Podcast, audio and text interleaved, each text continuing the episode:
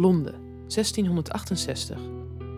Na elf jaar ploeteren legt de geleerde John Wilkins eindelijk de laatste hand aan zijn meesterwerk. Beroemde denkers kijken rijkhalzend uit naar het resultaat. Grote namen uit die tijd, Huygens, Leibniz, Francis Bacon. beroemde filosoof John Locke. Wilkins werkt in opdracht van de Royal Society, een groep Engelse geleerden, namelijk al jaren aan de constructie van een nieuwe, zelfverzonnen taal. Een taal met een megalomaan doel.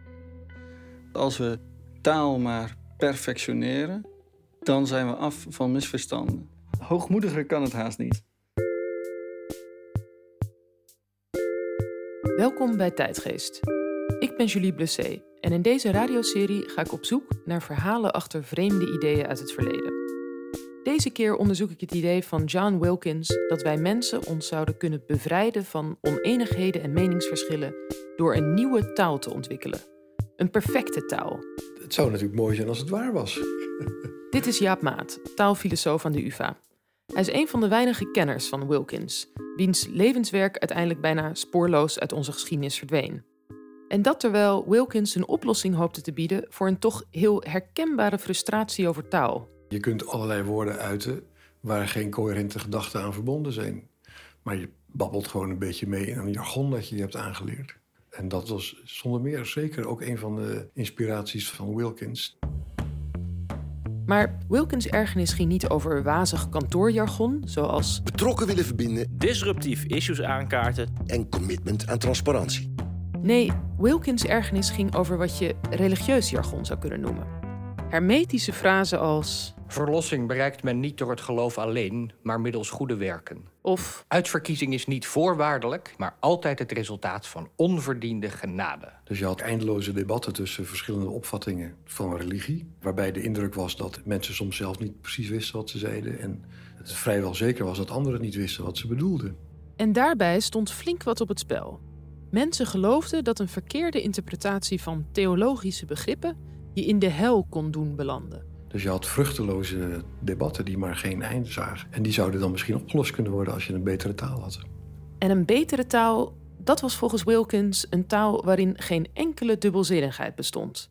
Want dubbelzinnigheid, Dat was hem een doorn in het oog. Het feit dat een woord meerdere betekenissen kan hebben. Bijvoorbeeld dat het woord bank naar het instituut van een bank kan verwijzen, maar ook naar het eh, ding waar je op zit. dit is Mark Dingemansen, taalwetenschapper aan het Max Planck Instituut. Hij legt mij uit hoe Wilkins te werk ging om zo'n ondubbelzinnige taal te maken. Wat Wilkins deed, was een soort encyclopedie creëren... waarin alle dingen en ideeën ter wereld werden ingedeeld. En het handige daarvan was dat als je bijvoorbeeld het woord voor hond leerde... dat je dan niet alleen leerde hoe je die hond moest noemen... maar ook wat een hond was. Dus spreken en leren werden eigenlijk één proces in deze taal. Wacht even, ook wat een hond was? Hoe werkt dat precies? Samen met Mark zoek ik het woord voor hond op in Wilkins woordenboek. Oh nee, hier. Cita zou dat dan zijn, ja. Zita. Elke letter in dat woord, Z-I-T-A, stond voor een categorie waarin de hond zich bevindt. En die zie daarvan die verwijst naar de categorie van beesten. De T Beesten met langwerpige hoofden. Eh, dat is waar die T op duidt. en de A dat het een groot beest is. Dus we hebben een groot, langwerpig, hoofdig beest. En dat is een hond. En zo beschreef ieder woord in Wilkins taal ook wat het betekende. Zo betekende het woord voor wagen, ketel, een vierwielig object om dingen mee te verplaatsen. En was het woord voor je neus snuiten, kepi, het lichamelijk uitstoten van waterig afval. Wilkins hoopte op deze manier de sprekers van zijn taal te dwingen om zich zo concreet mogelijk uit te drukken. Dus ja, dat is natuurlijk de aantrekkingskracht van het idee. En dat idee om taal zo op te bouwen had Wilkins overigens niet zelf bedacht. Wiskundigen zijn op dat moment namelijk bezig om precies zo'n soort taal te ontwikkelen: algebra. Ja, waar tot dan toe heel veel van de wiskunde ehm, eigenlijk gewoon in proza was, ehm, waren ze in de tijd van Wilkins bezig met het ontwikkelen van een veel economischere notatie. Een manier om wiskundige formules op te schrijven met gebruik van de principes van algebra. Bijvoorbeeld de stelling van Pythagoras. Het bewijs daarvoor werd voor de 17e eeuw gewoon in spreektaal opgeschreven. Zo van: stel, Je hebt een rechthoekige driehoek. Daar teken je dan vierkanten tegen beide zijden die tegen de rechte hoek aan liggen aan. En dan kan je de lengte van... et cetera. Iedere wiskundige verwoordt het weer een beetje anders. En het kon makkelijk een pagina in beslag nemen. Maar met behulp van algebra werd het plotseling gereduceerd tot een paar simpele termen. a kwadraat plus b kwadraat is c kwadraat. Ik stel me voor dat mensen het gevoel kregen dat ze omhoog getild werden ineens dankzij de nieuwe notatiesystemen. Nou ja, en dat is dan alleen wiskunde. En ja, vanaf daar gezien is het natuurlijk niet meer dan logisch dat je denkt... wacht even, maar dat moeten we ook gewoon op onze eigen taal toepassen. Als we zoiets hebben, niet alleen voor wiskundige begrippen, maar voor alles. En een van de termen die Leibniz daarvoor gebruikte was de algebra van het denken. Maar Wilkins haalt niet alleen inspiratie uit de wiskunde, maar ook uit de Bijbel. Die ziet hij namelijk als een historische bron. En daar staat in dat een perfecte taal vroeger echt bestaan heeft. Voor God hem als straf weer afnam in de Babylonische spraakverwarring. Dat verwijst natuurlijk naar het verhaal uit de Bijbel... waar eh, de mensheid ehm, te hoogmoedig geworden was... en eh, God hen over de hele aardbol verspreidde... en ook verschillende talen gaf. En de Heere zeide: Kom aan, laat ons nedervaren, en laat ons hun spraak aldaar verwarren, opdat iegelijk de spraak zijns naasten niet horen. En die vloek wilde Wilkins eigenlijk teniet doen. En iets anders wat je, wat je vindt in, in het Bijbelboek Genesis is ehm, een verhaal over naamgeving. Hè? Het, het idee dat Adam eh, als eerste mens elk dier zijn eigen naam gaf. God is net klaar met scheppen, dus de dingen zijn er al, er zijn alleen nog geen woorden. En dan gaat hij naar Adam om te vragen hoe die dingen moeten heten. En Adam geeft ze dan namen. En zoals Adam alle levende ziel noemen zoude, dat zou haar naam zijn. En vanuit die visie van taal is ook beter te begrijpen waarom hij dacht dat zijn project mogelijk te doen was. Je krijgt gewoon een, eh, een soort parade van, eh, van beesten en dingen. En dan zeg je, nou, die heet zo. In zekere zin stond Adam voor hetzelfde probleem als waar hij nu voor stond. Namelijk het plakken van stickertjes op de dingen met, met hun werkelijke naam. Maar zo makkelijk als het naamgeven Adam afgaat, is het voor Wilkins helaas niet. Wilkins schrijft dat hij bij het verzinnen van de juiste woorden simpelweg de natuurlijke aard der dingen wil volgen. Tegelijkertijd worstelt hij enorm met de vraag wat die natuurlijke aard nou precies is. Wat er zo interessant aan is, is dat idee van de aard der dingen. Dat als we naar iets kijken, dat we dan kunnen vangen wat de meest wezenlijke eigenschappen zijn. En, en dat de manier waarop we de wereld moeten indelen zich dus in zekere zin aan ons openbaart.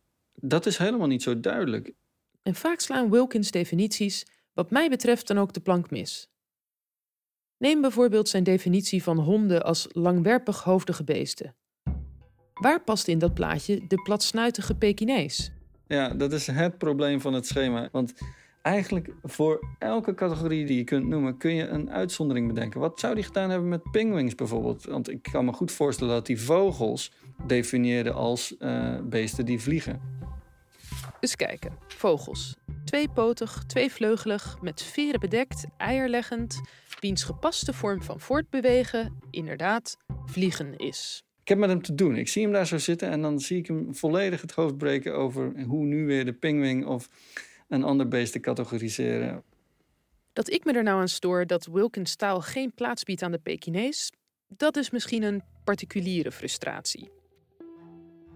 Maar er zijn ook genoeg andere definities in Wilkins taal waarover te twisten valt. Er zijn bijvoorbeeld bepaalde dingen die met de doodstraf bestraft dienen te worden. En die zijn dan keurig allemaal opgezond. En een daarvan is homoseksualiteit. Dus dan zeg je, als je het wil hebben over homoseksualiteit, strikt genomen als spreker van zijn taal altijd verwijzen naar die misdaad die met de doodstraf bestraft moeten worden. Nou ben ik als lesbische vrouw anno 2017 natuurlijk niet geschokt dat een Engelsman in de 17e eeuw er zo over dacht. Maar het illustreert wel hoe Wilkins taal onbedoeld vooral weerspiegelde wat hem zelf als natuurlijk voorkwam. En als ik met die gedachte zijn woordenboek doorblader, zie ik tussen de regels door plotseling overal de persoonlijkheid van deze vrome vijftiger doorklinken. Zo definieert Wilkins kleding als een object om je naaktheid te bedekken. En hij beschrijft de leeftijd tussen 50 en 60 als het meest wijs. Hij heeft zo'n ontzettend complex schema gemaakt dat op een gegeven moment hij alleen nog maar de weg erin wist en niemand anders. Ehm, en waarschijnlijk in zijn hoofd uh, werkte het. In 1668 weet Wilkins zijn taal eindelijk te voltooien. Het is een monsterlijk groot werk geworden, waarin hij de wereld in 660 pagina's en meer dan 4194 categorieën indeelt en definieert. Hij had elf jaar gezwoegd op die perfecte taal. En toen het gepubliceerd was, was hij eigenlijk heel optimistisch en zag hij ernaar uit dat het uh, breed gebruikt zou worden. Dat kon hij helaas niet meer meemaken. Vier jaar na de publicatie van zijn taal overleed hij. En op zijn sterfbed verzuchtte hij dat dat eigenlijk een van zijn grootste teleurstellingen was. Dat hij nooit zou meemaken dat zijn darling, zijn lievelingstaal, uh, gebruikt zou worden. Eigenlijk best vreemd dat Wilkins op zijn sterfbed nog dacht dat zijn taal een glorieuze toekomst tegemoet ging. Een comité van de Royal Society, dat was ingesteld om de invoering van de taal te bewerkstelligen, had die hoop namelijk al lang opgegeven. Het comité eh, ontmoette elkaar een paar keer en besloot waarschijnlijk al heel snel dat het een hopeloos systeem was om aan iedereen aan te leren. Uh, en dus hebben ze meteen uh, gezegd: dit gaat het niet worden. Maar dat heeft hij dus nooit meegemaakt. Waarom ze dat Wilkins nooit hebben verteld, dat weten we niet. Maar ik kan me best voorstellen dat het een harde boodschap moet zijn geweest om aan Wilkins over te brengen. Want eigenlijk haalde het zijn hele wereldbeeld, zijn kijk op de mensheid onderuit. Dat we het dan dus diep in ons hart allemaal wel met elkaar eens zijn en dat het alleen maar een kwestie is van de perfecte woorden vinden. Misschien maakte dat het falen van Wilkins taal ook wel zo pijnlijk. Het betekende dat oneenigheden tussen mensen niet alleen worden veroorzaakt door een communicatieprobleem, bij gebrek aan eenduidige taal, maar simpelweg doordat we gewoon verschillend over de zaken denken.